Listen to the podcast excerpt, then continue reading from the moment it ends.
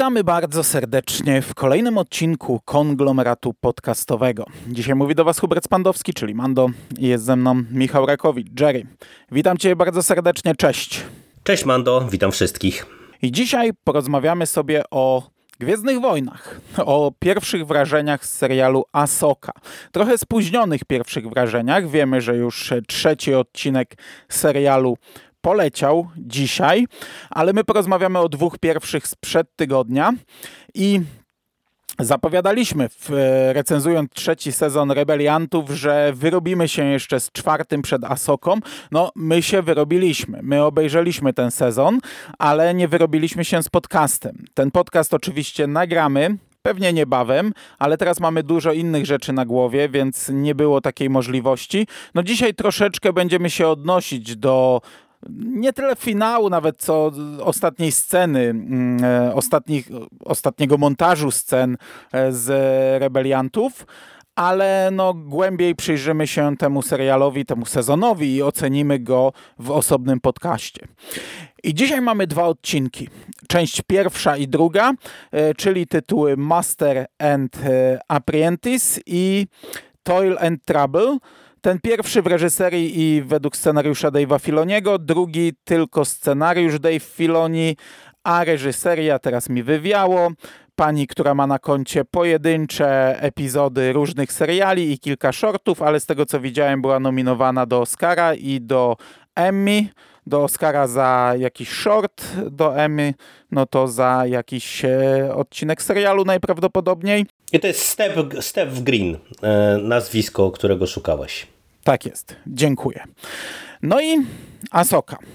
Czy my zaczniemy od obsady, czy już jedziemy w fabułę? Możemy zacząć od obsady, natomiast e, jedno tylko zdanie komentarza, bo ja ci się przyznam, że zdziwiłem się, że całość jednak pisze Filoni bo ja byłem przekonany, że nawet na Celebration była informacja taka, że on właśnie tam za dużo nie robi przy scenariuszach do, do tego serialu i to teraz ja nie wiem, czy ja coś tu pieprzę, czy, mm, czy tak było. Ty pamiętasz e, te, te doniesienia? Niestety nie pamiętam. A, to, to nieistotne. No w każdym razie ja przyznam się, że, że trochę się zdziwiłem, e, że Filoni to pisze, co jest o tyle też ciekawe i co będziemy rozwijać, że mam wrażenie, że on tutaj patrząc z perspektywy e, tego, że Asoka to jednak są tacy Mm, rebelsi, kontynuacja, no to to robi trochę tu dziwne rzeczy, ale to do tego zaraz przejdziemy, a najpierw, tak jak powiedziałaś, ekipa aktorska. Ekipa aktorska, no czyli mamy Rosario Dawson w roli Asoki Tano e, i w tych pierwszych odcinkach z ekipy, e, tej głównej ekipy rebeliantów pojawia nam się Sabine Wren, e, w tej roli Natasha Liu Bordizzo i Hera Syndula i w tej roli Mary Elizabeth Winstead. E, z powracających ról mamy droida Huyanga, e, w tej roli David Tennant i Ezrę, ale Ezra pojawia się tutaj tylko jako krótki hologram, w tej roli Eman mm, Asfandi. Wraca również e, gubernator Lotal, Ryder Azadi i tutaj powracająca rola to jest Clancy Brown. Mm, natomiast w rolę Złoli wcielają się Ray Stevenson i on gra upadłego Jedi Bailana Skola. Iwana Sakno, nie wiem jak to się czyta, ona gra jego uczennicę Shin Hati i kolejna powracająca rola, ale to z drugiego sezonu Mandalorianina, e, Diana Lee Innosanto. I ona gra Morgan Elsbeth, która pojawiła się w drugim sezonie Mandalorianina. Tam grała pewną tajemniczą rolę, która to, to był odcinek, który wprowadzał Asokę w aktorskiej wersji i który zatizował Trauna. W tym serialu dowiadujemy się, że jest to tak naprawdę jedna z sióstr nocy, z Datomiry. E, z ról, które warto wyróżnić, to jeszcze, ale to jest drugi odcinek, mm, Peter Jacobson to jest e, facet, który gra mm, kierownika fabryki na Corelli i to jest znany aktor, to jest znana twarz i to jest mhm, też wyróżniająca tak. rola w tym serialu, bo on bardzo fajnie gra, on grał w Doktorze House'ie, on grał w Kolonii, e, Nocny pociąg z mięsem, Zaginiony pokój i, i, można by wymieniać, na pewno kojarzycie twarz i bardzo fajnie się tutaj e, wpasowuje. No i z postaci takich istotnych mamy jeszcze Inkwizytora, który był e, zapowiadany na grafikach, to jest Marok, nie wiem, kto go gra i tak naprawdę nie wiem, co on tutaj robi na, ty, na tym etapie. E, i, i, I w zasadzie ode mnie to tyle. No i tutaj e, ja dorzucę tylko e, dwie kwestie, no bo pojawia się też Chopper, e, którego dubbinguje Dave Filoni, czyli mamy kolejne połączenie z rebeliantami i też jako wisienka na torcie no to pojawia się Winnie Thomas jako Jai Kell, czyli kolejne, kolejna postać z Rebelsów. Tutaj jako senator z Lotal, no a fani Rebelsów no znają go jako właśnie członka rebelii. Ja ci powiem, że ja jestem zadowolony z tego castingu. Ja w ogóle chciałbym zaznaczyć już na początku, że ja jestem e, mega pozytywnie e, oceniam ten serial, e, bo to jest wyjątkowe u mnie w przypadku produkcji aktorskich, a możliwe, że będziemy jednak na kilka rzeczy, kilka rzeczy wytykać albo coś tam na coś marudzić, więc żeby było jasne, ja jestem na chwilę obecną podjarany niesamowicie, a z tej obsady jestem zadowolony. Wiem, że się narzeka. Moi znajomi narzekają bardzo mocno narzekają na Sabin, że to jest 30-latka, która zachowuje się jak 16-latka. Ach, znam dużo 30-latków i 40-latków, którzy zachowują się e, niekoniecznie na swój wiek. E, narzekają na Heresyndule, że ona tutaj ma jedynie rolę matki i że tak naprawdę no, nie ma żadnego rozwoju postaci przez te lata, które upłynęły od Rebelsów. Ja jestem zakochany na chwilę obecną e, w Sabin i w Herze. Ja wiem, że Hera ma tutaj rolę matki i robi miny czasem trochę przerysowane. Jak widziałem kilka memów na stopklatce, to faktycznie wygląda przerażająco, ale y, no, te dwa odcinki na chwilę obecną nie wymagają od niej więcej. Ona tutaj jednoczy drużynę, mamy ten reunion i ona ma tą swoją rolę matki, no, która patrzy na swoje dzieci, które się kłócą i y, gdzieś tam je popycha ku sobie i mnie się na chwilę obecną te dwie postaci bardzo podobają. Wiesz to, to ja podzielę to na ekipę naszą główną e, z Rebelsów i e, na pozostałą gwardię. I jeżeli chodzi o e, Herę i Sabin, no to mi się te castingi bardzo podobają. I jeżeli chodzi o Herę, ja rozumiem, że trochę można mieć problem z tą postacią, dlatego że ona, szczególnie mam wrażenie w tym pierwszym odcinku, wizualnie nie do końca idealnie y, gra, ale to mi chodzi o ten make-up taki zielony. On... A, ja, ja, nie zwróciłem uwagi, wiesz, też dużo ludzi narzeka, że to jak z cosplaya, no, no jak inaczej zrobić taką postać? Ale nie, nie, nie wiesz, to, to mi nawet nie chodzi o to, że to, to wygląda jak z cosplaya, tylko y, w drugim odcinku to, to wygląda po prostu dużo lepiej, nie? To jest, wiesz, to jest Kasus Gamory na przykład w Marvelu.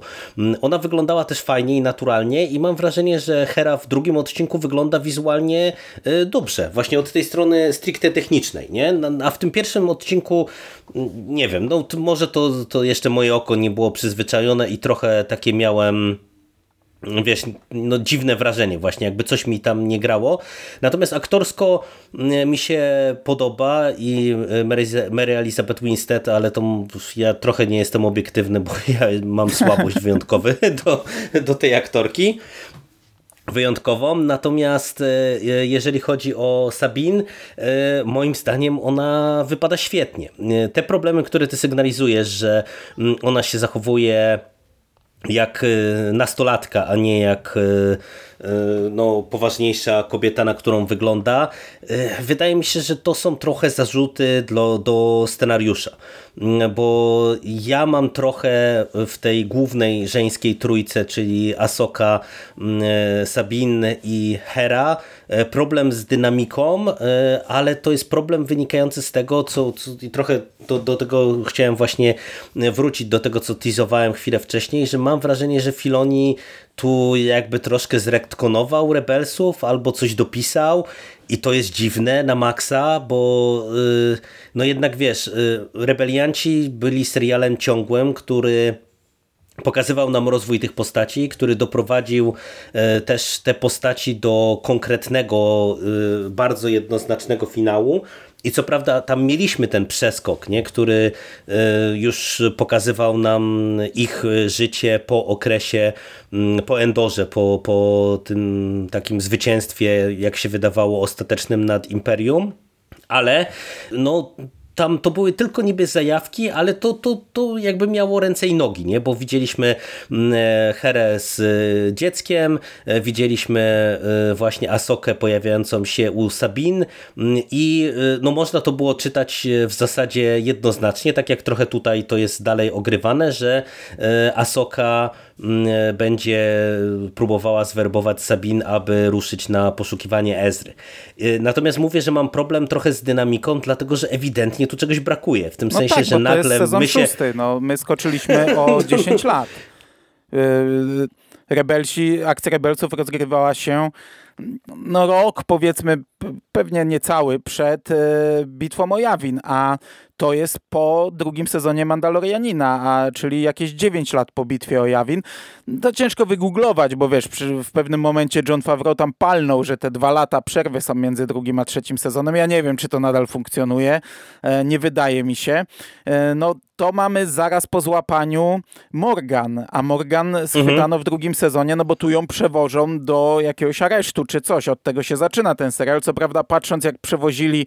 Mm, Mofa Gideona między drugim a trzecim sezonem i jeśli byśmy założyli, że tam minęły dwa lata, to tu równie dobrze mogłoby minąć więcej, no ale tak czy siak to jest jakieś 10 lat różnicy. Ja wiem, że ta ostatnia scena mm, z Rebeliantów to jest w zasadzie ostatnia scena z drugiego odcinka Asoki, ale no tam, e, te, te, tak jak mówię, no ta, ta, ta, ta końcówka, ten ostatni zlepek scen, to było coś, co się wydarzyło później. Więc e, no tu mamy dużo do dopisywania, ale tak, tak jak mówisz, no tutaj mamy sugestię, że Sabin ma jak jakąś wrażliwość na moc. Jest wyraźnie powiedziane, że ta wrażliwość na moc jest mikroskopijna, jest niewielka. W starym kanonie by poszła do, na, na farmę, na, na te na pole robić, bo Jedi, y, którzy byli cieńcy, to tak kończyli.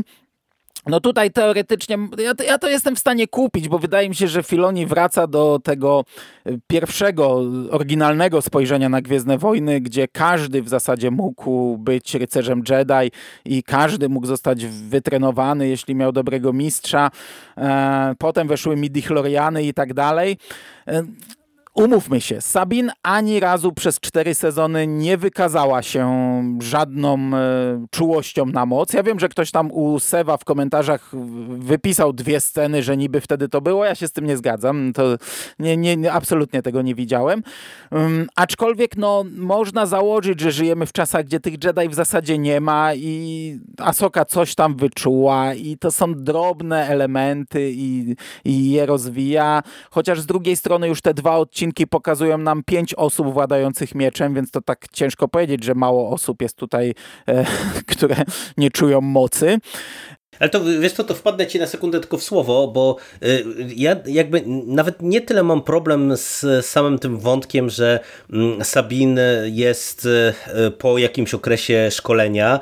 To jest y, dla mnie zabieg bardzo dyskusyjny i ogólnie tego nie kupuję, no ale no ale no nie miałbym z tym problemu. No to tak jak mówisz, no jest duży przeskok czasowy i, i okej. Okay. Natomiast to, co mi się nie podoba i co mówię, co rzutuje moim zdaniem też na ocenę y, aktorską tych postaci, to jest to, że tu mamy zaszyty po prostu pomiędzy nimi jakiś konflikt, nie? gdzie y, my mamy nagle przyjąć na klatę nie tylko, no że tak, Sabine, no. która nigdy nie była y, czuła na moc, to przechodziła szkolenie u Asoki i jeszcze to szkolenie, mm, tak jak, jak widać wszystkie szkolenia Jedi po epoce Wielkiej Republiki nie poszło dobrze mm, i, i, i mają jakąś tam dziwną kosę i jakieś dzi, dziwne wąty. No rozstały się gdzieś tam, nie? Asoka porzuciła ją, nie wiadomo jakie były przyczyny.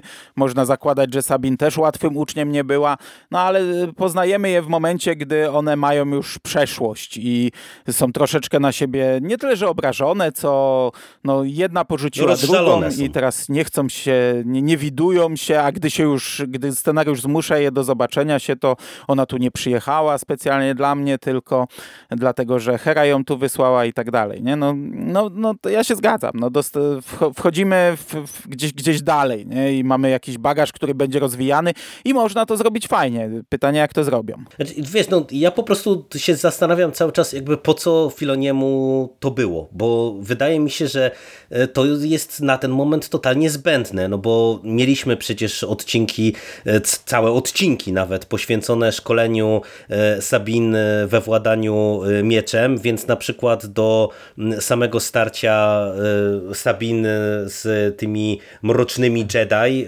do czego też tutaj dochodzi, bo, bo przecież mamy ten jej pojedynek z Shinhati, mm -hmm. no to, to jej wrażliwość jakaś na moc totalnie jest niepotrzebna, nie? No, to, to, to, no.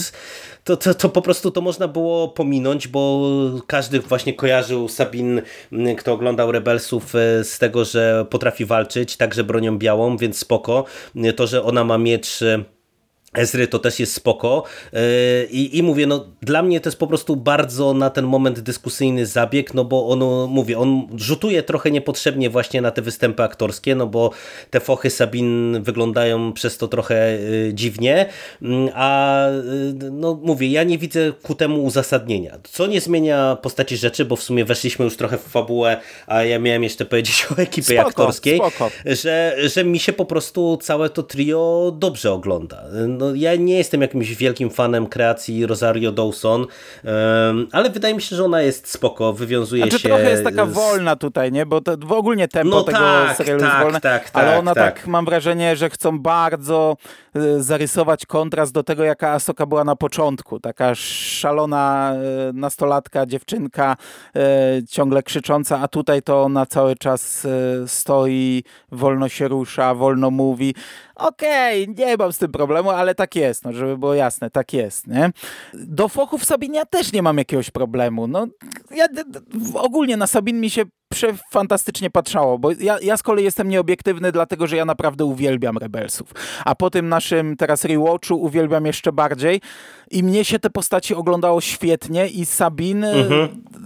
wyjątkowo wygląda po prostu jak Sabin. Ja na, na, na, nią mi się tak dobrze patrzało, nieważne czy ma długie włosy, czy jest cięła, to jest Sabin, on wizualnie, nie? Bo Hera z mhm. nią miałem mały problem na, nie, nie tyle, że problem, ale na, na etapie zdjęć promocyjnych, bo ja z tym nie mam problemu że ktoś wygląda inaczej niż w kreskówce. No, no proszę was, nie? No to jest normalne. Ale ona wyglądała inaczej, a z kolei w serialu ja zobaczyłem w niej Herę. E, natomiast, e, zanim jeszcze przejdziemy dalej, e, wspomniałeś o tym dziecku Hery. To jest dla mnie e, jakiś, nie wiem, nieporozumienie, bo to dziecko, Jason Syndula, jest wyraźnie zasygnalizowany w Rebelsach, że on jest e, czuły na moc, a on zniknął. Jego nie ma w kanonie od tamtego czasu. Nigdzie nic, mhm. nic o nim nie ma. Przecież naturalnie Asoka powinna jego przyjąć na ucznia, nie? I szkolić go. I, i teraz powinno to zupełnie inaczej wyglądać. Ona miałaby już, e, nie wiem, nastoletniego ucznia, czy już nawet, nie wiem, rycerza Jedi i oni byliby tą parą. No, tak by to naturalnie wyglądało. A, a ten syn zniknął. Nie było go ani w eskadrze Alfa alfabet, nawet wspomnianego, że Syndula coś musi z synem zrobić, nie? E, nie ma go no tutaj, tak, tak. nie wiem, no, no, no, dziecko widmo, widmo 7. No, ale to, tu mówię, tu ogólnie ja naprawdę dobrze oceniam tę ekipę, bo też uważam, że na przykład to, co u Sabin gra, no bo ona też ma dużo więcej do mm, zagrania, to jest to, że ona y, też wypada fajnie w scenach akcji, bo właśnie w przeciwieństwie do tych scen z Rosario, Rosario Dawson, to mam wrażenie, że ten pojedynek y, pomiędzy nią a Shinhati y, był lepiej, tak jakby pod kątem choreografii poprowadzony, wiesz, był szybszy, y, może przez przez to też, że był gdzieś tam w nocy, można tam było trochę coś tam zamaskować. E, no, no nie wiem, co tu zagrało, ale, ale miałem wrażenie, że on wypada mm, trochę ciekawiej e, i przede wszystkim tam jest mnóstwo smaczków. No cała ta, e, cała ta miejscówka, w której ona mieszka, te kolory, te jej wszystkie mm, graffiti, no mhm. super to, to wypada i robi klimat też postaci, no bo my mm, od razu jakby rozpoznajemy tę postać postać, e, którą polubiliśmy.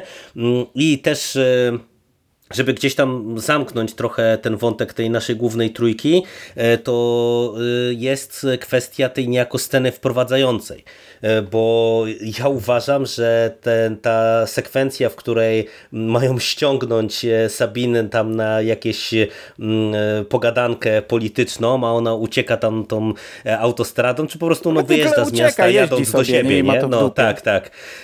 To jest świetna scena, bo ona jest i dobra wizualnie i do tego ma świetną muzykę. Ja w ogóle muzykę będę chciał wyróżnić w tym serialu, ale mam wrażenie, że y, no jak rzadko kiedy w tych nowych serialach mm, udało się doskonale jakby wykreować e, scenę muzyką, bo tam mamy ten, wiesz, ten taki rockowy e, riff trochę, jakiś beat po, podłożony pod to mm, i mega to klimat robi, nie? Ja no. po prostu nie mogłem się przestać uśmiechać i to też jest fajny patent, bo oni stworzyli tę piosenkę. Ja później się trochę śmiałem, że mogli wykorzystać tą piosenkę z Visions, tam co no, mieliśmy, no, no. wiesz, ten rockowy zespół e, takich tam przegrywów, to by było w ogóle zabawne, nie, ale stworzyli, mm, stworzyli tę piosenkę i to też e, chciałbym docenić, bo to po prostu jest bardzo fajne wprowadzenie postaci.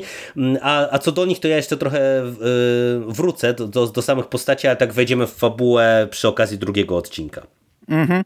No ale wspomniałeś o tym, że jest dużo smaczków, e, to jeszcze tylko mikrosegment, zanim przejdziemy do następnych aktorów. E, mnie się to bardzo podoba i ja tego nie traktuję jak fanserwis, bo też słyszałem różne opinie. Niektórzy się zachwycają, ile tych tutaj cudów jest e, poupychanych, szczegółów, drobiazgów, nawiązań do Rebelsów. Niektórzy marudzą, że tani fanserwis. Ja często marudzę na tani fanserwis. Ja tego nie odbieram jak fanserwis. Ja się tym cieszyłem. No to jest szósty sezon Rebeliansów, Rebeliansów, Rebel Rebels, rebeliantów.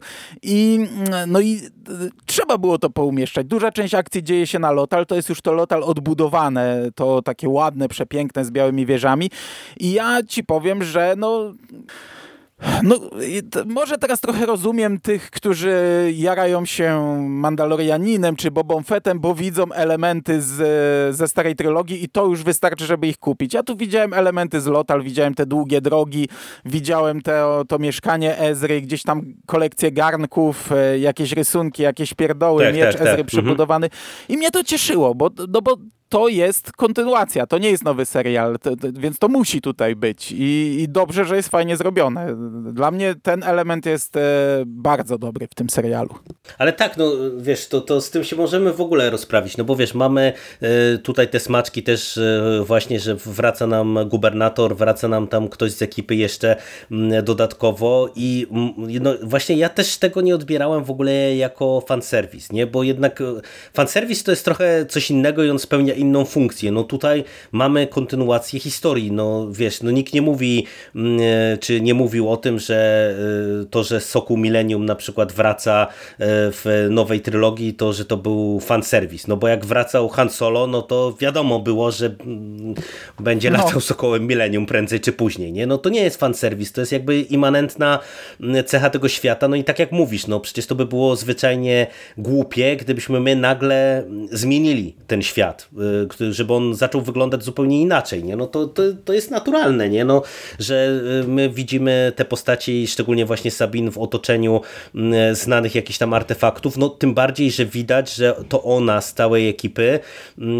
no najbardziej żyje przeszłością w pewien to sposób. Jest w ogóle, to nie? mi no się bo... bardzo podoba, wiesz, że ona tam cały czas mieszka u Ezry, że ona cały czas e, no nie pogodziła się z tym i to jest e, fajne. Tak, tak, no bo mówię, no to, to, jest, to jest w sumie, to może być ciekawie rozegrane, no bo Zeba nie ma, nie wiemy czy się w ogóle pojawi, czy nie. Mm, Hera no na pewno się jest... pojawi, no z, wprowadzili go w Mando, więc się pojawi. No, no zobaczymy. Y, wiesz, Hera, pani generał stateczna, więc ona ma inne funkcje, y, no a, a jednak y, za nią to cały czas się ciągnie i, i mówię, dla mnie ten aspekt jest dobrze zrobiony, ale też ci powiem, że cały ten casting, ja mam wrażenie, że naprawdę póki co jest w punkt. No bo mm, ci mroczni Jedi, ja trochę ich Znaczy nie wiem, to, to można koncertowo spieprzyć, a można z tym zrobić coś fajnego, bo mm, ja na razie to nawet nie czytam ich, że to są jacyś sitowie, czy właśnie jacyś mroczni Jedi, tylko ja mam wrażenie po tym, jak oni się zachowują, że to są chyba najemnicy jacyś tacy po prostu użytkownicy mocy Jedi, którzy są takimi strzelbami do wynajęcia. I mówię, że można z tym zrobić coś fajnego, bo o ile ta Shinhati to na razie to jest mm, po prostu ilustracja ilustracja tego tropu Silent Assassin, bo No i trochę tam... też taka przynieś mi kawę, nie? No tak, tak, no bo wiesz, bo ona no, nic w zasadzie nie mówi, no tylko groźnie wygląda i, i yy, lata z żarówką, nie? I to jest wszystko, więc na razie o tej postaci to, to absolutnie nic nie da się powiedzieć.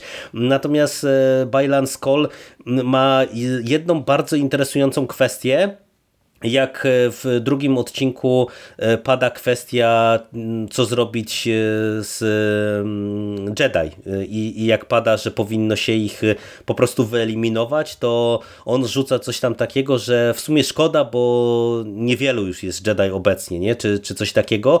I to, to właśnie mi daje taki bardzo ambiwalentny obraz tej postaci. Ja wiem, że to się czepiam jednego zdania, może głupio robię, że pokładam wiarę w Filoniego, nie powinienem chyba, e, ale, ale to mówię, to mi daje jakiś taki haczyk, że, że może coś zrobią fajnego, nie? Że, to, że to nie będą tacy po prostu mm, e, wiesz, sitowie 2.0, którzy będą chodzić za Asoką i, i, i po prostu obrywać po dupie, tylko że zrobią z nimi coś fajnego, no ale o tym się, się przekonamy. E, no no i te pozostałe postaci, no wiesz, no Morgan Elsbeth y, na razie jest spoko. Zaskoczyło mnie, że ona jest y, właśnie Wiedźmą z Datomiry, ale, ale to jest akurat to też jest, fajny smaczek. No, też mnie zaskoczyło, ale to jest okej. Okay. Wiesz, nowy kanon niewiele rusza. No poza mm, Wojnami Klonów to y, tych Sióstr Nocy nie, nie mieliśmy wiele, no bo wcześniej w starym kanonie to one raczej trzymały się Datomiry.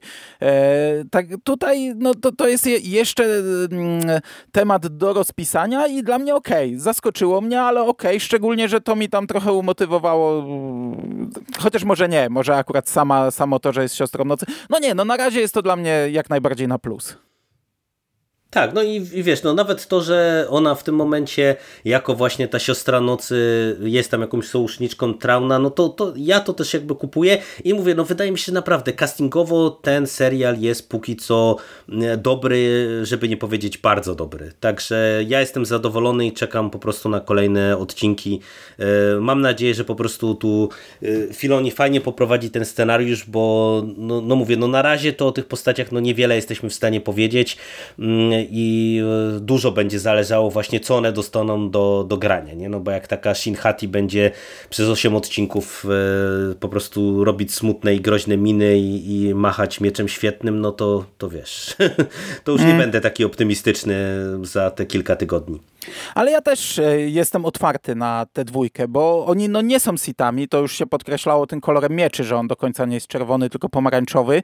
E, zobaczymy, co z nimi zrobią, bo ja też mam... Po tych dwóch odcinkach e, no jestem zadowolony z Bajlana i to też tylko jakieś tam drobiazgi, jakieś elementy. Tak jak powiedziałeś to jedno zdanie, tak jak na koniec, jak oni się zastanawiają, czy zdołają nas tutaj odnaleźć i, i mówią nie, nie, nie ma szans, nie ma szans. On jednak jest, już tutaj pokazuje, że jest jakoś tam mądrzejszy i, e, i nie jest takim do końca głupim złolem. Nie? I wie, że tak, odnajdą. Są zdeterminowani, e, znajdą nas tutaj, musimy się zabezpieczyć. Zaskoczył mnie powrót Clancy'ego Browna. Ja w sumie nie wiedziałem, albo wyparłem, bo z moją pamięcią ostatnio jest źle. To jest jeden z nielicznych aktorów, który tutaj wraca z, ze swoją rolą z rebeliantów. E, no my go nie znaliśmy, bo my oglądaliśmy Rebeliantów w dubbingu, więc ja tego głosu nie słyszałem. Ja Clancy'ego Browna kiedyś bardzo lubiłem, no teraz trochę mi zniknął z radaru, nie wiem w zasadzie e, co on tworzy. E, no ale to jest z mojego punktu widzenia, nie licząc tam tych pierwszych seansów Rebeliantów, to go widzę tutaj oryginalnie, pierwotnie, no bo mówię, my oglądaliśmy Rebeliantów w dubbingu. No a właśnie a propos dubbingu, to ja też bym chciał jedną fajną ciekawostkę ciekawostkę wrzucić, e, bo wracają głosy z dubbingu polskiego Rebeliantów. I to było dla mnie naprawdę miłe zaskoczenie, bo Sabine Ren e, podkładała głos Ewa Prus w serialu i ona wraca. E, Maciej Musiał podkładał Ezra Bridgera i też no, ma tę jedną krótką scenę, póki co przynajmniej, i, i też wraca. E, no i e, zabawny jest jeden motyw, bo wraca Piotr Garabowski, który grał Kanana Jarusa i on podkłada głos Bajlana Skola. I to było dla mnie takie na świeżo po tych czterech sezonach Rebelsów, to tak siedzimy z młodym, bo ja oglądam właśnie w dubbingu przez to, że z synem oglądam. I tak mówimy, nie no, Kanan, nie? Ale nie byłem w stanie tego sprawdzić, dopiero później sprawdziłem, no i faktycznie, faktycznie okazało się, że to on.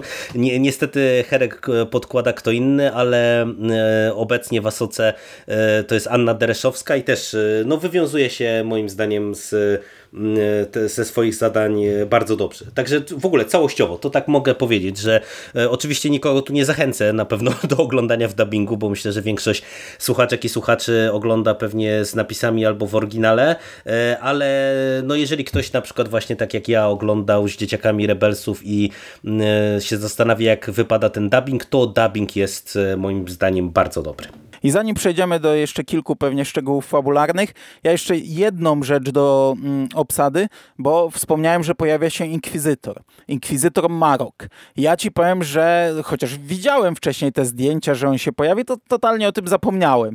I gdy on się pojawił, to ja w pierwszej chwili w ogóle nie załapałem, że to jest inkwizytor, bo tam jest ta walka ja z droidami. Ja się z synem. Oni mają jakieś e, te pałki e, świecące, a Soka z nimi walczy, tam jest dużo tych e, żarówek migających i nagle podchodzi jakiś, ja myśl, mówię, droid z mieczem Inkwizytora. No spoko, nie? Co prawda wcześniej mówili, tam Morgan chyba mówiła, że Marok się pojawi, oni chyba na niego czekali, ale to, to nie jestem tak do końca pewien, bo oni tam jeszcze chyba na coś czekają. E, no i dobra, w końcu mówię, kurde, to był Inkwizytor, nie? Ale po seansie tych dwóch odcinków to ja nie jestem w stanie nic o nim powiedzieć. Jakiś facet z miską na głowie i a z drugiej strony też nie wiem, co on tu robi 10 lat po Endorze.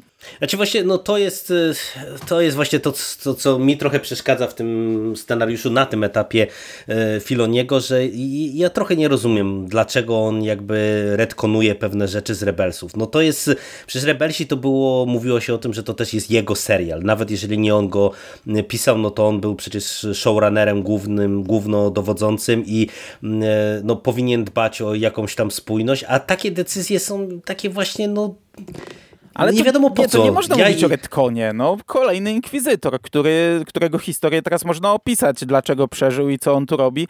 No tylko, że to, to dostajemy no, serial. Nie. Ten no... inkwizytor na chwilę obecną dla mnie tu jest zbędny, nie?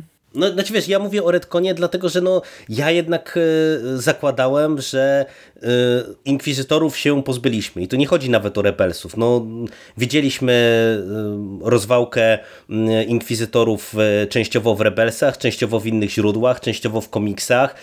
No, ja jednak trochę nie dopuszczam możliwości, że to jest jakby kolejny inkwizytor.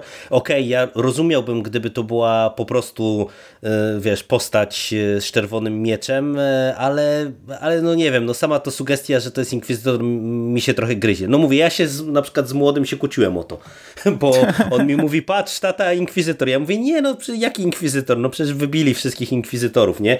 I dopiero później, jak żeśmy jeszcze rozmawiali, no to, to, to wyszło na to, że faktycznie to jest Inkwizytor, no także, no nie wiem, dla mnie dziwna, dziwna decyzja. No bo jeszcze w międzyczasie mamy starą trylogię, gdzie żadnej inkwizycji nie było, nie? Jednak wszystkie no, elementy, które których trzeba było się pozbyć przed starą trylogią, się pozbyli. Nie? Ezra zniknął, Kanan zniknął, Traun zniknął, Inkwizytorzy zniknęli. Nie? E, Asoka nie wiem w sumie, bo ja nie kumam tego, gdy Ezra ją przeciągnął, to w jakie czasy ona się przeniosła, czy jakoś w przyszłość, czy gdzie, to to jest jeszcze zagadka dla mnie, no ale jednak wszystkiego się pozbyliśmy. Nie? No ale to w ogóle jak jesteśmy przy tym Inkwizytorze, to y, ja mam taką propozycję, że może się rozprawmy jeszcze właśnie z tymi walkami bo tego jest w sumie zadziwiająco dużo. E, widzieliśmy w tych materiałach już e, przedpremierowych, to, to był pojedynek właśnie ten z Inkwizytorem i z tym droidem. Mm, była częściowo pokazana ta scena w świątyni z początku. E, no i, i mamy tego więcej, nie? bo mamy też później ten pojedynek dziewczyn. No i właśnie, ty mówiłeś, że to, to tak też wolno ci wygląda. Jak ty oceniasz ten aspekt? Nie, nie, no bo, ja mówiłem, bo tutaj że jest tempo... jednak dużo tego.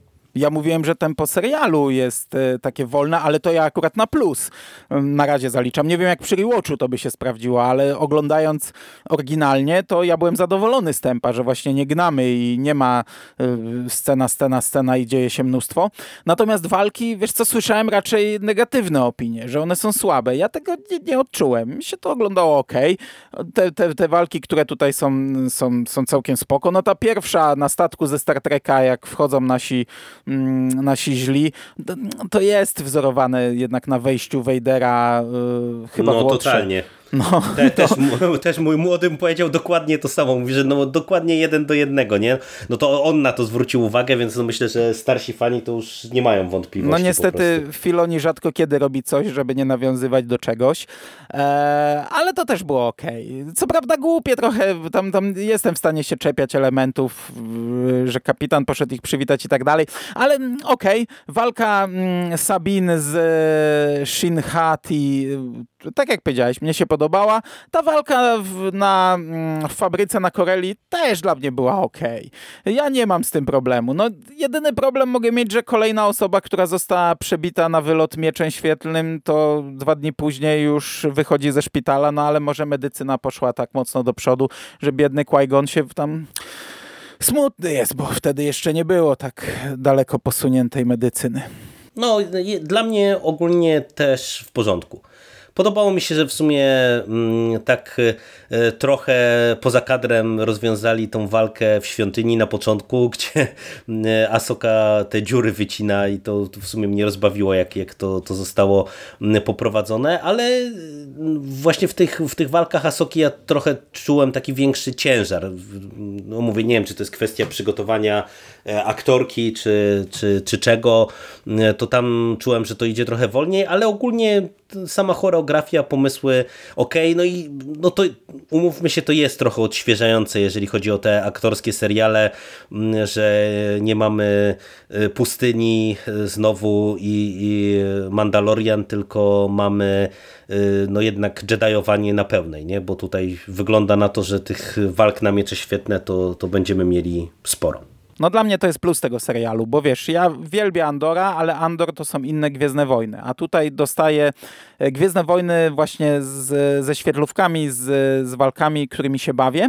Natomiast ta świątynia, o której wspominasz, ja pamiętam jak się pojawił trailer pierwszy, to trochę kręciłem nosem, bo to wyglądało naprawdę jak z animacji. To wyglądało jak wyjęte z Rebelsów. Ja teraz też nie miałem z tym problemu. Nawet mi to tak aż nie wyglądało, ale no mówię, no ja jestem trochę nieobiektywny, bo ja jestem naprawdę wielkim fanem Rebelsów i, i jak widziałem tutaj coś, co mi się kojarzyło z Rebelsami, to, e, to, to, raczej na plus stawiałem. Wiesz co, to ja się rozprawię trochę um, ogólnie z całą stroną wizualną wydaje mi się, że na ten moment to jest poza Andorem najlepiej wyglądający z tych seriali aktorskich. On naprawdę wizualnie no, ja ci powiem, że ja nie czułem dopracowany. Yy, Sef chyba tak, u siebie mówił, że czuć czasami. Ja nie czułem jej, nawet nie pamiętam, nie czułem chyba ani razu. Znaczy wiesz to kopułę ja czułem tylko w jednej scenie, w tej, w której Asoka ucieka właśnie z tej świątyni i ściga ją ta fala e, uderzeniowa. To tam e, to jest taka krótka scena, kiedy to widać, ale poza tym tego nie widać. Ale wiesz, ale wydaje mi się, że tutaj to przede wszystkim jest fajnie maskowane, dlatego że właśnie oni robią tutaj to, też to, co e, robił Andor dobrze, czyli grają e, ciekawie przestrzenią. E, fajne są kostiumy, bo przecież też nawet strój Bajlana Skola jest pełen szczegółów różnych i, i ta jego uczennica też zupełnie inaczej wygląda. Dużo mamy właśnie jakichś przedmiotów w tle, rysunków.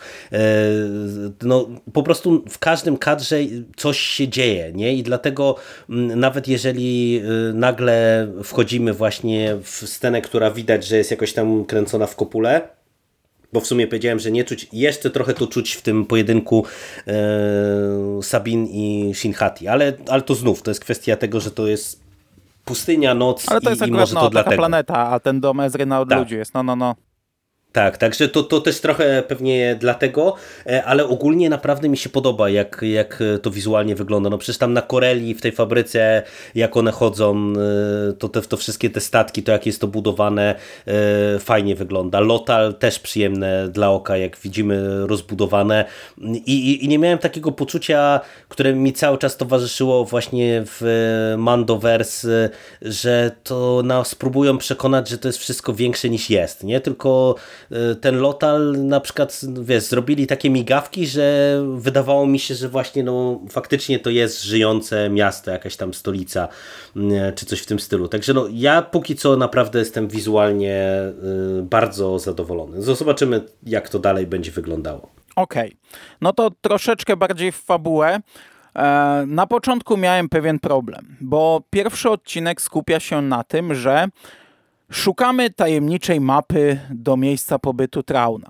Ja miałem przebłyski po prostu najgorsze możliwe z chociażby z mapą do e, miejsca pobytu Skywalkera. Zresztą to nie jest jedyny przebłysk, bo to, że Sabin nagle gdzieś tam czuje moc, no to złe porównanie, ale no mamy Fina w nowych epizodach, który też nagle ją poczuł, a wcześniej jej nie czuł, więc jest to jakoś tam w ramach uniwersum, no ale dobra, dobra, już nie o tym.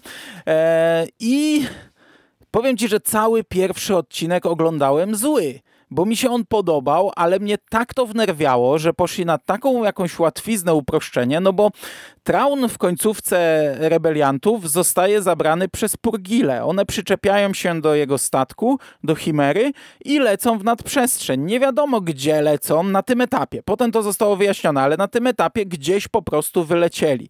Nie wiemy gdzie. A tu nagle się okazuje, że ktoś kiedyś stworzył mapę. Ta mapa znajduje się na jakiejś świątyni, w jakiejś świątyni. Ta świątynia należy do jakichś czarownic z Datomiry. Ta mapa jest ukryta w magicznej kostce Rubika, którą w ogóle, żeby zdobyć, trzeba najpierw ułożyć układankę w świątyni, a potem trzeba ułożyć kostkę Rubika. I cały czas mówię, ale no jak, no o co chodzi? No mnie się podoba, jak to potem wyjaśniono, znaczy, że to wyjaśniono, niekoniecznie jak, chociaż to też, ale że to zostało wyjaśnione, może jednak to jest jakaś trasa tych zwierząt, którą ktoś kiedyś zbadał i teraz będziemy eksplorować inne galaktyki. Jest taka, taki krąg jakiś, gdzie ta Morgan kładzie tę kostkę i wyświetla nam się mapa naszej galaktyki i pozostałych galaktyk. I tam są właśnie symbole porgilów, one podróżują. No wiemy, że ktoś musiał podróżować też do naszej galaktyki, bo ci y, źli Jedi stwierdzają, że tego nie wybudował człowiek, e, czyli to są jakieś tam E, z przeszłości dalekiej e, budowlę do odczytania tej mapy. Także ten element dobra ostatecznie jest dla mnie na plus. Na minus trochę prostota, aczkolwiek no jestem w stanie to kupić, bo kostka Rubika ukrywająca mapę, no proszę cię. Ja rozumiem, że ta kostka nie ma kolorów, ale no, e, liczba kombinacji ułożenia kostki Rubika jest skończona, a to nawet nie jest chyba kostka 3 na 3 z tego co pamiętam, tylko bardziej jak piramidka chyba się ją obraca, to tych elementów, tych, tych możliwości ułożenia nie jest dużo, a my tu mamy droidy, które mogą to przeliczyć i taki droid pewnie w dwie godziny, maksymalnie w dzień jest w stanie ułożyć wszystkie kombinacje, więc e, mówię, no, da, no, no, no, no jest to głupie, no jest to słabe, ale z drugiej strony w dziewiątym epizodzie mieliśmy nóż z dziurami, który pasował do e, wraku drugiej Gwiazdy Śmierci, także jestem w stanie takiego McGuffina kupić. Wiesz to wzdycham ciężko, bo y, ja w jakimś komentarzu, jak mnie ktoś zapytał właśnie, że pewnie ci się nie podobało, to napisałem coś takiego, że uważam, że to jest y, fajny, a może nawet bardzo fajny serial, ale dla mnie zbudowany właśnie na dosyć głupim fundamencie i ja jednak tej mapy nie kupuję. Znaczy, wiesz to ja mam ten problem, że ja jestem wielkim fanem Uncharted, Tomb Raidera, Indiana Jonesa i tego rodzaju klimatów i mm, no, ja jestem łatwy, nie? No, widzę ganianie się po świątyniach no. i tego rodzaju rzeczy, to, to nie mogę się nie uśmiechnąć, nie? Ale to jest dla mnie głupie i to wyjaśnienie jest dla mnie nadal głupie, w sensie ja tego nie kupuję, nie? To, to po prostu, że nagle, no, no po co? Po co w ogóle kodować mapę ścieżek Purgili. No bo kiedyś nie, ktoś z tamtej galaktyki do nas latał, no i ją zakodował. No ale po co? Nie, nie, to jest... Nie, no, no tak jak robi się mapy naszej galaktyki, tak jak robi się mapy kraju, państwa, miasta, e, świata, tak robi się mapy galaktyk. No i kto się kiedyś no, no zrobił. tak, tak. No, no tak, no zrobił, tylko po co je zakodować w magicznej świątyni i trzymać jak, no też racja, jakiś tam no, no. artefakt Do, do, do skarbu. No to, to nie ma sensu, nie? I y, ja rozumiem, że jakoś to musieli rozwiązać, ale mam wrażenie, że y, to jest y, po prostu totalnie bez sensu przekombinowane, nie? Bo naprawdę ja bym to y, wolał, żeby to było jakoś w jakiś dowolny, inny sposób e, poprowadzone, żeby tego trauna ściągnęli, żeby właśnie, nie, e, nie wiem, ktoś nagle wyskoczył, że właśnie badali ścieżki Purgili przez ostatnie tam 10 lat i one właśnie tam zawsze latają tu i tu. Mm, tym bardziej, że wiesz, to, to, to jest takie dyskusyjne, no bo mm, my mamy jasną sugestię, że Morgan Elsbeth no jest na tropie tego Trauna. Tam przecież w Mando w trzecim sezonie mamy tą Radę Cieni i tam też jest jakby sugestia, tak jak oni by wręcz z tym Traunem byli w jakiś sposób w kontakcie, albo no nie wiem, jakby mieli jakieś od niego rozkazy na taką okoliczność. No nie wiem, dla mnie to jest wszystko na ten moment szyte nazbyt grubimi nićmi i, i wiesz, jeszcze tutaj mamy do tego cały ten motyw z tą świątynią, która właśnie pasuje do tej mapy i tam się wyświetla, no dokładnie jak nie wiem, Indiana Jones, nie? E, I Arka Przymierza, tam jak też ustawił tu, ustawił laskę, tu się słońce e, zrobiło odpowie pod odpowiednim kątem, no i mieliśmy rozwiązanie zagadki tutaj działa to tak samo i i no mówię, dla mnie to jest durne, nie? Nie, nie, kupuję tego. I, I mówię, no ja miałem jakby, wiesz, no bawiłem się tym, no bo mówię, no, no, no naprawdę, no, nie powinienem się przyznawać, ale to są takie tanie zagrywki, które na mnie działają, ale to nie przeszkadza mi uważać, że to jest naprawdę straszliwie durny aspekt tego, e, tego serialu. E, no i, i, i w zasadzie to tyle chciałem powiedzieć. Znaczy, ja nie mam takiego, aż takiego problemu. Dla mnie byłoby to niewybaczalne, gdyby tego nie wyjaśnili, tak jak to zrobili w epizodach chociażby. Jest sobie mhm. mapa, Artuditu, który śpi, ma drugą część mapy, połączyliśmy dwie części mapy, mamy czerwoną kreskę, prowadzi nas do kropki, tu jest Luke Skywalker.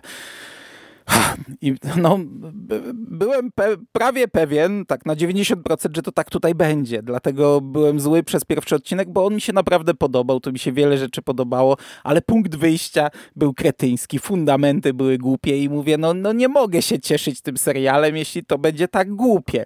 Także ja po prostu chyba z wyciągniętymi rękami przyjąłem to, że w ogóle pochylili się nad tym, żeby to mi wyjaśnić i, i biorę to, biorę, dziękuję. I, i chyba, chyba dlatego nie mam z tym problemu aż takiego i jest to dla mnie ok.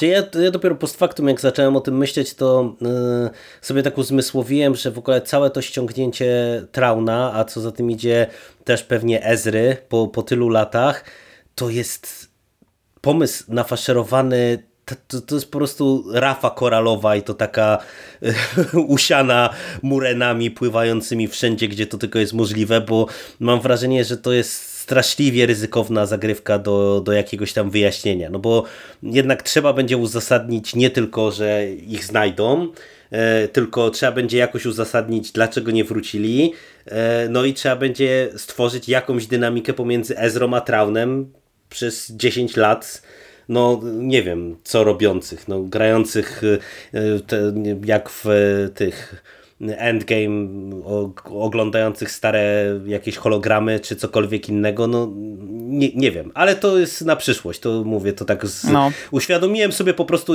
z iloma ryzykami się to wiąże, nie? że wszyscy i, i, ja nie ukrywam, że mi trochę też właśnie, szczególnie po Rebelsach ta wizja, że Traun powróci mm, trochę mi y, klapki na oczy zarzuciła, a teraz po prostu dopiero jak właśnie zobaczyłem ten kretyński pomysł z mapą, to, to sobie uzmysłowiłem, że tutaj to może takich RAF to być do, dopiero więcej, nie? No w sumie skoro Purgile podróżowały zawsze w tej linii prostej pomiędzy dwoma galaktykami, no to przez te 10 lat Traun mógł wrócić za pomocą Purgili, chyba że tam e, jest coś tak fajnego, że siedzi i buduje swoje imperium, z którym dopiero przyjedzie. E, no nie wiem, nie wiem, ale też rebelsi pokazali, że Purgili łatwo wezwać, ale to z drugiej strony mogą o tym nie wiedzieć nasi bohaterowie. Eee No, no, no, zgadzam się, no zobaczymy, co z tego wyjdzie i, i co to przyniesie. E, no i właśnie, my, e, nasi bohaterowie tracą tę kostkę Rubika już po rozwiązaniu, bo tutaj faktycznie Sabin zachowuje się a, wkurzająco, jak sobie zabiera tę kostkę i jedzie sobie na pustynię, żeby sobie tam rozwiązać, bo tam jej będzie lepiej. E, I trafiamy na Korelię, gdzie dowiadujemy się, że cały czas są poplecznicy Rebe Imperium i tworzą jakieś wielkie te silniki nadprzestrzenne, no bo odległość jest y, kolosalna. Tutaj w ogóle no nasza y, Morgan musiała już o tym wiedzieć, że to jest daleko, bo jest, no, prace są zaawansowane na stworzenie tego pierścienia nadprzestrzennego, uzbrojonego tam, nie wiem, w, nie wiem w ile, w 7, nie pamiętam czy ta liczba pada, silników nadprzestrzennych wielkości y, takich, które były przy y, jakichś super niszczycielach i za pomocą tego chcą polecieć. No ale musiała o tym wiedzieć, no bo prace już trwają, więc musiała mieć świadomość, że on gdzieś daleko jest. I teraz też zobaczymy, jak to będzie działać. Czy to będzie, no zakładam, że to będzie pierścień nadprzestrzenny, do którego podłączy się statek, bo jednak na taką odległość to podróż trwałaby 100 lat, chociaż może niekoniecznie w nowym kanonie, patrząc na te mikroskoki w epizodzie 9. E, ale równie dobrze to mogą być, nie wiem, Gwiezdne Wrota, chociaż chyba nie, no nie po to silniki nadprzestrzenne tutaj tworzą. E, no i gdzieś kiedyś na jakimś etapie się tam udamy. Czy to będzie w finale, czy to będzie już wcześniej. Nasi bohaterowie są na ich tropie, oni mają świadomość, że są na ich tropie. Gdzieś tu też pada fajna rozmowa Bajlana z Shin, taka krótka. Co to dla nas znaczy, jeśli Traun Tak, to było też fajne. To mhm. też jest fajne. No właśnie, no to buduje te postaci, nie? I to jest w zasadzie tyle, jeśli chodzi o te dwa odcinki. No, pierwsze spotkanie dwóch e, bohaterek z trzecią mamą, która e, patrzy i popycha gdzieś tam swoje dzieci. E, znalezienie magicznej kostki Rubika i rozwiązanie zagadki. E, nasi bohaterowie dowiadują się o tym, że tworzony jest super silnik e, do wielkiego skoku. Jeszcze nie wiedzą gdzie, ale Chopper rzucił e, sygnalizator na statek i się dowiedzą. I tyle. No ja jedną rzecz e, bym chciał jeszcze wyróżnić, bo też powiedziałem, że do tego wrócę, bo mi się to podobało. E, I to jest właśnie ta Korelia. I kwestia tego, że mm, tutaj mamy fragment takiego śledztwa i ja na przykład z perspektywy tego wątku mapy to stwierdziłem, że wolałbym chyba więcej czegoś takiego. Że trochę żałowałem, że właśnie, wiesz, nie dostaliśmy no, takich trochę kryminalnych Gwiezdnych Wojen, gdzie nasza ekipa by właśnie po nitce do kłębka na przykład coś tam sobie dedukowała i, i, robiła jakieś śledztwo, bo to jest, to jest fajna scena. To, to fajnie buduje po pierwsze e, znów trochę większy ten świat, nie? czyli to, co my wielokrotnie chwalimy w tych książkach e, krótko po Endorze, że, że widać, że Imperium no, rozpadło się, ale to nie jest tak, że wszystko idzie dobrze. Tam jest ciekawie poprowadzona scena z Herą, która no, nie jest przyzwyczajona, że ktoś jej się no, przeciwstawia. To jest w ogóle fajny dialog między nimi, bo ja do mhm. końca byłem przekonany, że ten tutaj kierownik, majster czy kto to, to on nie ma świadomości. On, on robi swoją robotę, mówi nie, nie może pani tu wejść, jest tutaj ten zakaz, ale ja jestem generałem Nowej Republiki, ale jest zakaz, no to ja mogę zaraz tutaj załatwić wielką kontrolę. Dobra, obejdziemy ten zakaz, nie? Więc więc ja zakładałem, że to jest taki właśnie facet z fabryki, który jest mhm. na stołku a, i do końca w sobie nie wiedziałem, że, że on też jest umoczony w to wszystko. E, i, I to fajna rozmowa była, podobało mi się też. A poza tym, wiesz, to, to też e, w ciekawy sposób e, gdzieś tam e, pokazuje to przejęcie tych sił poimperialnych, e, co też gdzieś tam e, widzieliśmy na przykładzie e, Mandalorianina, nie? gdzie tam mieliśmy tą panią szpieg Gideona, nie na przykład no, no, no. I, I, był cały ten wątek, więc to, to mi się fajnie mm, wpisuje w taki szerszy kontekst I, i ja nawet nie wiem na ile to Filoni zrobił ze świadomością tego, że tam są inne seriale, bo mam wrażenie, że on olewa je raczej dogłębnie ale, ale to mi się podobało. I tu i mówię, trochę żałowałem właśnie, że takich spokojniejszych trochę scen e, nie ma, a do tego ta scena na Corelli, ona się też e, mm, e, bardzo sympatycznie kończy, bo nie ukrywam, że popisy Hery w Rebelsach to zawsze było coś miłego dla oka, a tutaj jeszcze dostajemy Chopera i uważam, że te, ta rozmowa Hery z Chopperem jest przeurocza, szczególnie jak jak Chopper strzela te swoje miny, gdzie my e, nie wiemy, co on mówi, e, tylko no, rozumiemy z kontekstu, ale też widać po tych wszystkich jego, jak te antenki mu się tam ustawiają, jak on tam reaguje i tak dalej. I e, no, no ja wiem, że to jest taki gruby humor, jak on tam grzebie w tym swoim schowku na przykład i tam mu się wyzypują te jakieś śmieci jego i tak dalej, i tak dalej. Mm, ale no mówię, akurat to, to mnie kupiło. I, i fajnie to wyglądało pod kątem wizualnym właśnie cały ten pościg e, i ta strzelanina i, i Chopper, a młody to mi się kulał w ogóle na tej scenie ze śmiechu, także, także duży plus. No właśnie ja nie wiem, czy to nie jest spowodowane tym, że my Rebelsów znamy anonim animowanych, nie anonimowo. Bo ja pamiętam od dawna ludzie mówili, że na te seriale aktorskie trzeba patrzeć jak na animację, a ja z tym miałem problem bo widziałem serial aktorski i jak coś było głupiego, to mówiłem, to jest głupie. A teraz pierwszy raz przy serialu aktorskim, nie licząc Andora, jestem po tej drugiej stronie barykady, tych, tych zadowolonych. W zasadzie może Andor też można to zaliczyć, bo ja byłem po stronie zadowolonych, a pewnie większość po drugiej. E, ale zwykle przy mm, e, aktorskich serialach ja byłem niezadowolony. Ja marudziłem, to jest głupie, to jest bez sensu, to jest w ogóle dziwaczne i tak dalej. I podejrzewam, że gdybym ja nie znał Rebelsów, to tutaj też tak mówił. Ta scena z tym droidem, który rzuca śmieciami, o Jezu, to nieśmieszne jest, ale że ja już mam duży bagaż, to ja na to patrzyłem zupełnie inaczej. I to, że Hera sobie lata i tam w lewo, w prawo, bach, bach i w lewo, w prawo i, i, i unika tego wszystkiego i muszą w ogóle, że droid musi rzucić tym, tym to też bez sensu, nie? że to nie jest wystrzelone, tylko ona podlatuje, robi salto, on łapa, łapą macha, rzuca, ale ja mam świadomość, że to jest głupie i właśnie wydaje mi się, że ja bym normalnie normalnie krytykował to, a, a tutaj nie, okej, okay, fajne, to jak rebelsi, super. Także nie wiem, czy te moje wcześniejsze opinie o Mando, no o Bobie to nie raczej.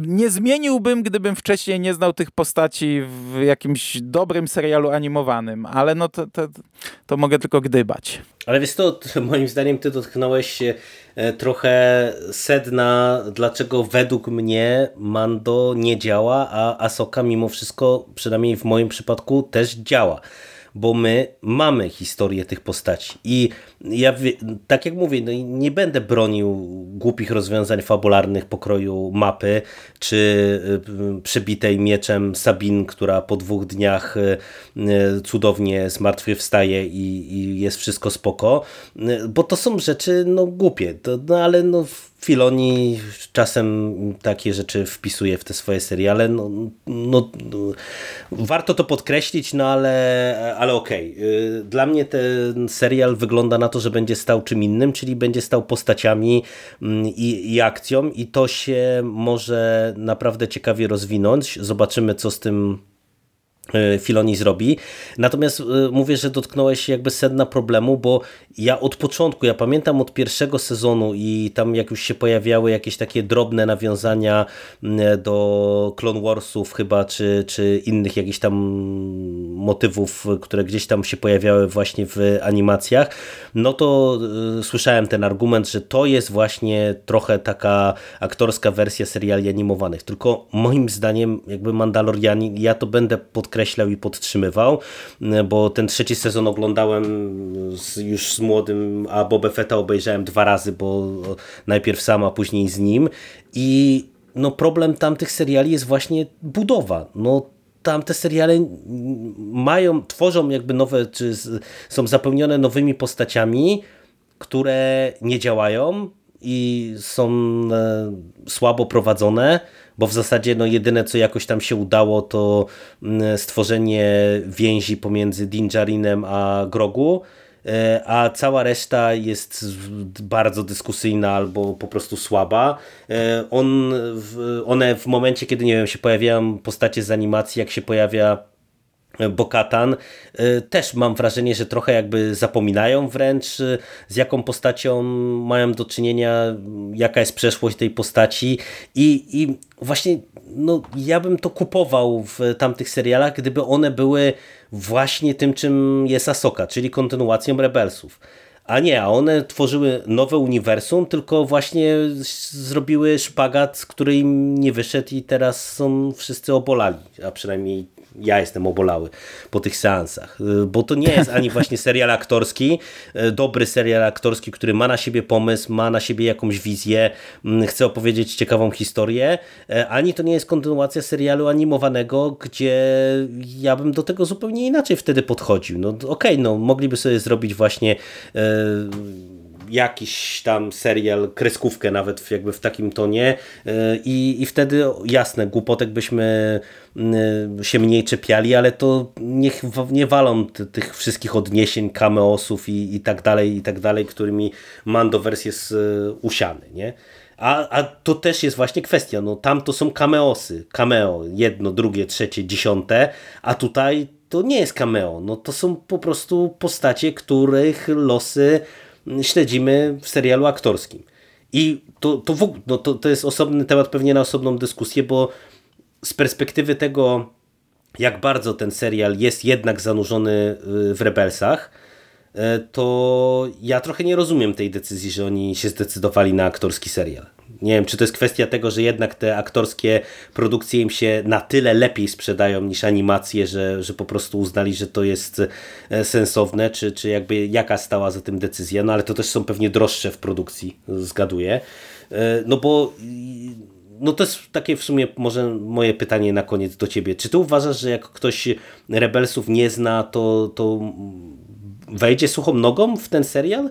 Bo ja mam spore wątpliwości. I to nawet biorąc pod uwagę to, że, że mówię, no ja widzę jakiś taki dziwny zabieg, dziwne braki e, w tej dynamice postaci, e, które tutaj Filoni wpisał, ale no jednak mimo wszystko ja czuję, że to są postacie, z którymi my mamy długą historię, a bez tego wydaje mi się, że to, to by tak chyba nie działało wszystko. Wiesz co, na to pytanie odpowiem za chwilę, jeszcze tylko rozwinę to, co mówiłeś. Ja mm, na etapie zapowiedzi Asoki, gdy tam po jakimś Celebration czy innym tam Disney Day rozmawialiśmy sobie w podcaście, to ja zakładałem, że to będzie właśnie Mandoverse, nawet taki trochę finał Mandoverse. Jeszcze wtedy nie było zapowiedzianego filmu. Teraz już wiemy, że film to będzie pewnie finał, ale potem na tyle się jarałem tym serialem, bo ja naprawdę miałem oczekiwania i, i gdzieś go odłączyłem od tego Mandoverse, że ja przez cały seans mm, ani razu nie poczułem, że to jest Mandoverse.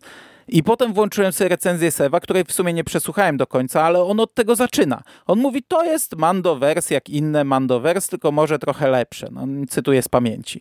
I ja takie, co?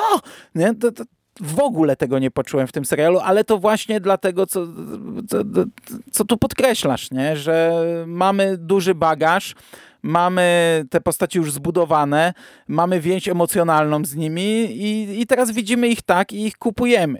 I i dla mnie na chwilę obecną ten serial to nie jest Mandoverse. Mandoverse jakoś go wprowadzał, teasował, no pewnie się z nim połączy, bo tak jak mówisz, ta Rada Cieni, no może to jest później już, bo może tam faktycznie jest przeskok z tym trzecim sezonem, a, a to się dzieje wcześniej. Nie wiem, nie mam pojęcia, nie mam rozpisanego timeline'u. Natomiast to, co mówisz, czy to można oglądać bez Rebelsów? Oczywiście, pewnie można, ale ja bym ten serial ocenił dużo niżej. I jak ktoś nie lubi Rebelsów, to też oceni go dużo niżej, bo ja go oceniam tak wysoko, ja się nim tak dobrze bawię, bo ja po prostu bardzo lubię tych bohaterów i mhm, widzę ich w wersji aktorskiej się. i widzę te postaci i się cieszę, że mam dalszy ciąg z nimi i, i czuję frajdę i znam ich historię. Ta historia może na tym etapie jeszcze nie jest tak ważna, bo, bo tu jest ważniejsze to, czego nie znamy, niż to, co znamy na chwilę obecną, e, ale no, na pewno to będzie wracać. E, przywiązanie gdzieś tam e, Sabin do Ezry, to jest rzecz, która była budowana przez cztery sezony. Od jakiejś tam lekkiej niechęci, ale to bardziej takiej, że to, to on, Ezra na początku taki creeper był, co tam do niej smalił cholewy, do zupełnie innej relacji w czwartym sezonie i ja teraz jak ona śpi w tym jego mieszkaniu i, i pamięta i tęskni, to ja to kupuję. E, gdybym nie znał Rebelsów, no to to byłaby dla mnie nowość, nie? Także no na pewno nie, nie bawiłbym się, tak? Na pewno bym tak nie oceniał wysoko i, i raczej pewnie bym dużo więcej rzeczy krytykował, gdybym Rebelsów nie znał, więc ja nie polecam. E, szczególnie, że Rebelsi to jest fantastyczny serial, więc e, no, warto obejrzeć, jeżeli ma jeszcze on wpłynąć pozytywnie na serial aktorski. Natomiast dlaczego zrobili to aktorsko? Ja nie wiem, jakie są koszty, co jest droższe, czy, czy animacja, czy, czy serial aktorskie. No nie mam pojęcia. E, nie znam się na tym. Natomiast no, w czasach Rebelsów nie robiło się seriali aktorskich, teraz się robi, więc e, ja się nie dziwię Filoniemu, że ma możliwość przenieść swoje postaci e, w, w, żyw, w taki żywy świat i że to robi. On tych animacji już natrzaskał tyle, że ja, ja mu się wcale nie dziwię. Na jego miejscu też pewnie, gdybym miał możliwość i wkroczyliśmy w nowy świat seriali aktorskich, to też bym to zrobił pewnie. A to ja jeszcze tylko na koniec tak nawiążę do tego, co mówisz, bo ja przyznam się szczerze, że nie czytałem e, w zasadzie żadnych recenzji i opinii w tym Sewa przed tym naszym nagraniem, bo nie chciałem się trochę sugerować albo zaperzać właśnie w ten czy w inny sposób. E, I no nie wiem, ja nie czuję tu Mandovers, ale to może właśnie po pierwsze bagaż Rebelsów, a po drugie, że ten serial póki co wygląda zupełnie inaczej, e, ma zupełnie inny feeling, e, zupełnie inną dynamikę, e, zupełnie inną muzykę. No, no, tu jest wszystko inne. Nie? Ja jednak mhm. naprawdę widzę bardzo dużo różnic, które są różnicami technicznymi, wizualnymi. No, no on naprawdę, on pod każdym względem wydaje mi się prezentuje się inaczej no i tak naprawdę no, testem na ile właśnie y, Filoni sobie radzi z y, tą materią filmową, no to będą pewnie te nowe postaci.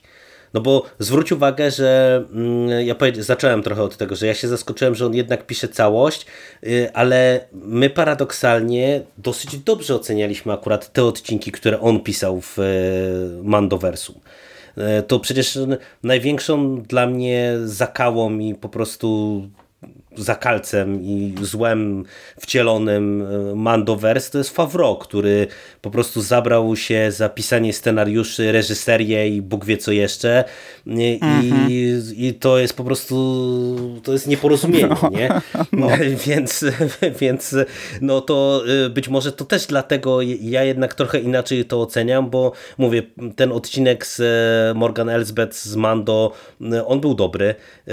Ten, te inne odcinki, które Filoni pisał, to nawet jeżeli ja ich wysoko nie oceniałem na zasadzie, że, że mógłbym je polecić, to one na pewno zawsze się wyróżniały mm, w tych sezonach, y, więc y, no, ja jestem otwarty. No mówię, ja też nie czuję, żeby to było Mandoversum i mam nadzieję, że takie uczucia będą mi towarzyszyły do samego końca tego serialu. No, ja nawet na tyle nie czuję, że to jest Mandoversum, że tak jak przy Andorze mówiłem, że nie, chciał, żeby, nie chciałbym, żeby tam się Vader pojawił i wtedy w komentarzach ludzie nam wyrzucali, że wy w ogóle nie lubicie tego, co jest w Gwiezdnych Wojnach, to po, po co wy w ogóle tymi Gwiezdnymi Wojnami? Nie, po prostu Andor no, jest tak innym serialem, że to mi tam nie pasowało, żeby się Vader pojawił. Ja bardzo lubię Vadera, ale niech on ma swoje historie, do których pasuje. Tak tutaj pomimo tego, że to jest ten sam świat, to się dzieje równolegle, ja mam nadzieję, że tu się nie pojawi nagle gdzieś Dingerin, czy jakiś Boba Fett, czy że wylądujemy nagle na planetce tej, nie pamiętam jak ona się nazywa, gdzie Carl Weathers jest e, tym tam szefem, bo to mi na chwilę obecną totalnie do tego nie pasuje. W Rebelsach były też cameo, bo tak jak mówisz, no Mando ma cameo, a tutaj są postacie powracające. W Rebelsach mieliśmy cameo, ale były one na tyle fajne, na tyle ciekawe, że zawsze je e, jakoś pozytywnie odbieraliśmy. No tu jak najbardziej może być takie cameo, że nagle pojawi się Dingerin, nie? Czy Grogu. Ale kurde, jak ja bym tego nie chciał na chwilę obecną. No, tak. Nie myślałem o tym, teraz o tym pomyślałem i mi się smutno zrobiła na koniec. no, będziemy mieli film kinowy, gdzie cała banda się spotka z wszystkich seriali, chyba że to będzie zupełnie co innego. Dobra, podsumowując, ja w sumie nie. Dobra, jeszcze zanim podsumuję, jeszcze dodam swoje dwa grosze. Muzyka w tym serialu też mi się bardzo podoba. Jest I to całościowo. doskonała. Nie tylko tam, że jest piosenka, która jest nietypowa dla Star Wars, że jakiegoś tam punka słucha Sabin, ale całościowo jest bardzo dobra muzyka. Serial ma fajną czołówkę, też zupełnie inną niż seriale Mandoverse. Serial ma napisy końcowe też zupełnie inne, z zupełnie inną muzyką, zupełnie inaczej zrobione. Tu nie mamy tych, tych, tych rysunków koncepcyjnych, tylko to jest pewna animacja, tak samo w, w czołówce otwierającej e, i pod kątem dźwiękowym na chwilę obecną jest bardzo fajny. A to jest ten sam kompozytor, co w Rebelsach też e, notabene, nie? E, tak, także mm. to, to jest też fajny smaczek, nie? Mhm. Nie wiem, czy wszystko powiedziałem, co miałem, bo się bardzo źle dzisiaj czuję. No, pierwsze wrażenia z trzeciego sezonu Mando nagrywałem z COVID-em. Dzisiaj COVID-a nie mam, ale e, czuję się e, źle. Natomiast no, mam nadzieję, że do tego serialu uda nam się powrócić za te 7 tygodni, chociaż patrząc na to, jak wracamy do seriali już po ich zamknięciu, to pewnie się nie uda i pewnie już nic o nim nie powiemy, tylko twój syn nas wyręczy.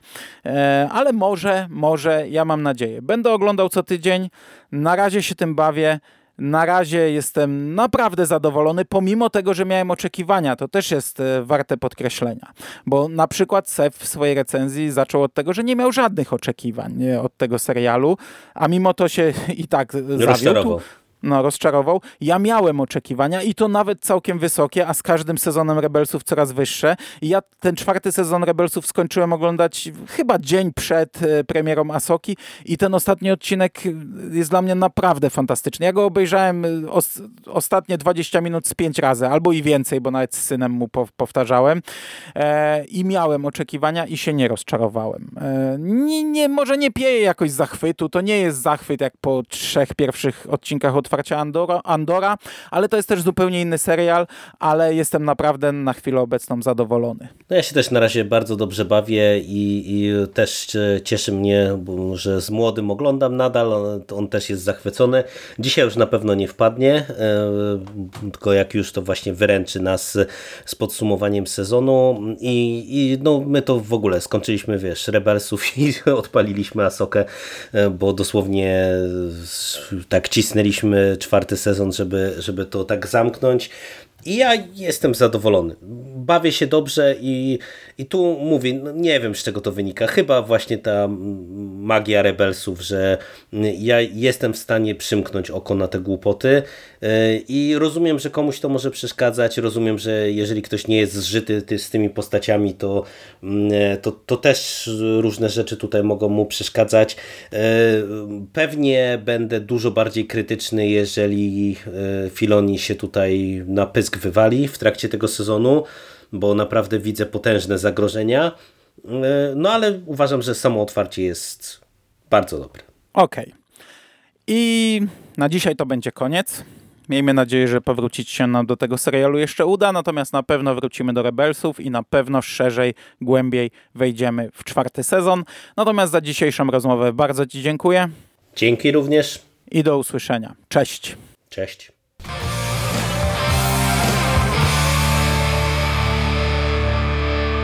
Finished? That's it, man. Game over, man. It's game over. What the fuck are we gonna do now? What are we gonna do? It's over. Nothing is over. Nothing. You just don't turn it off.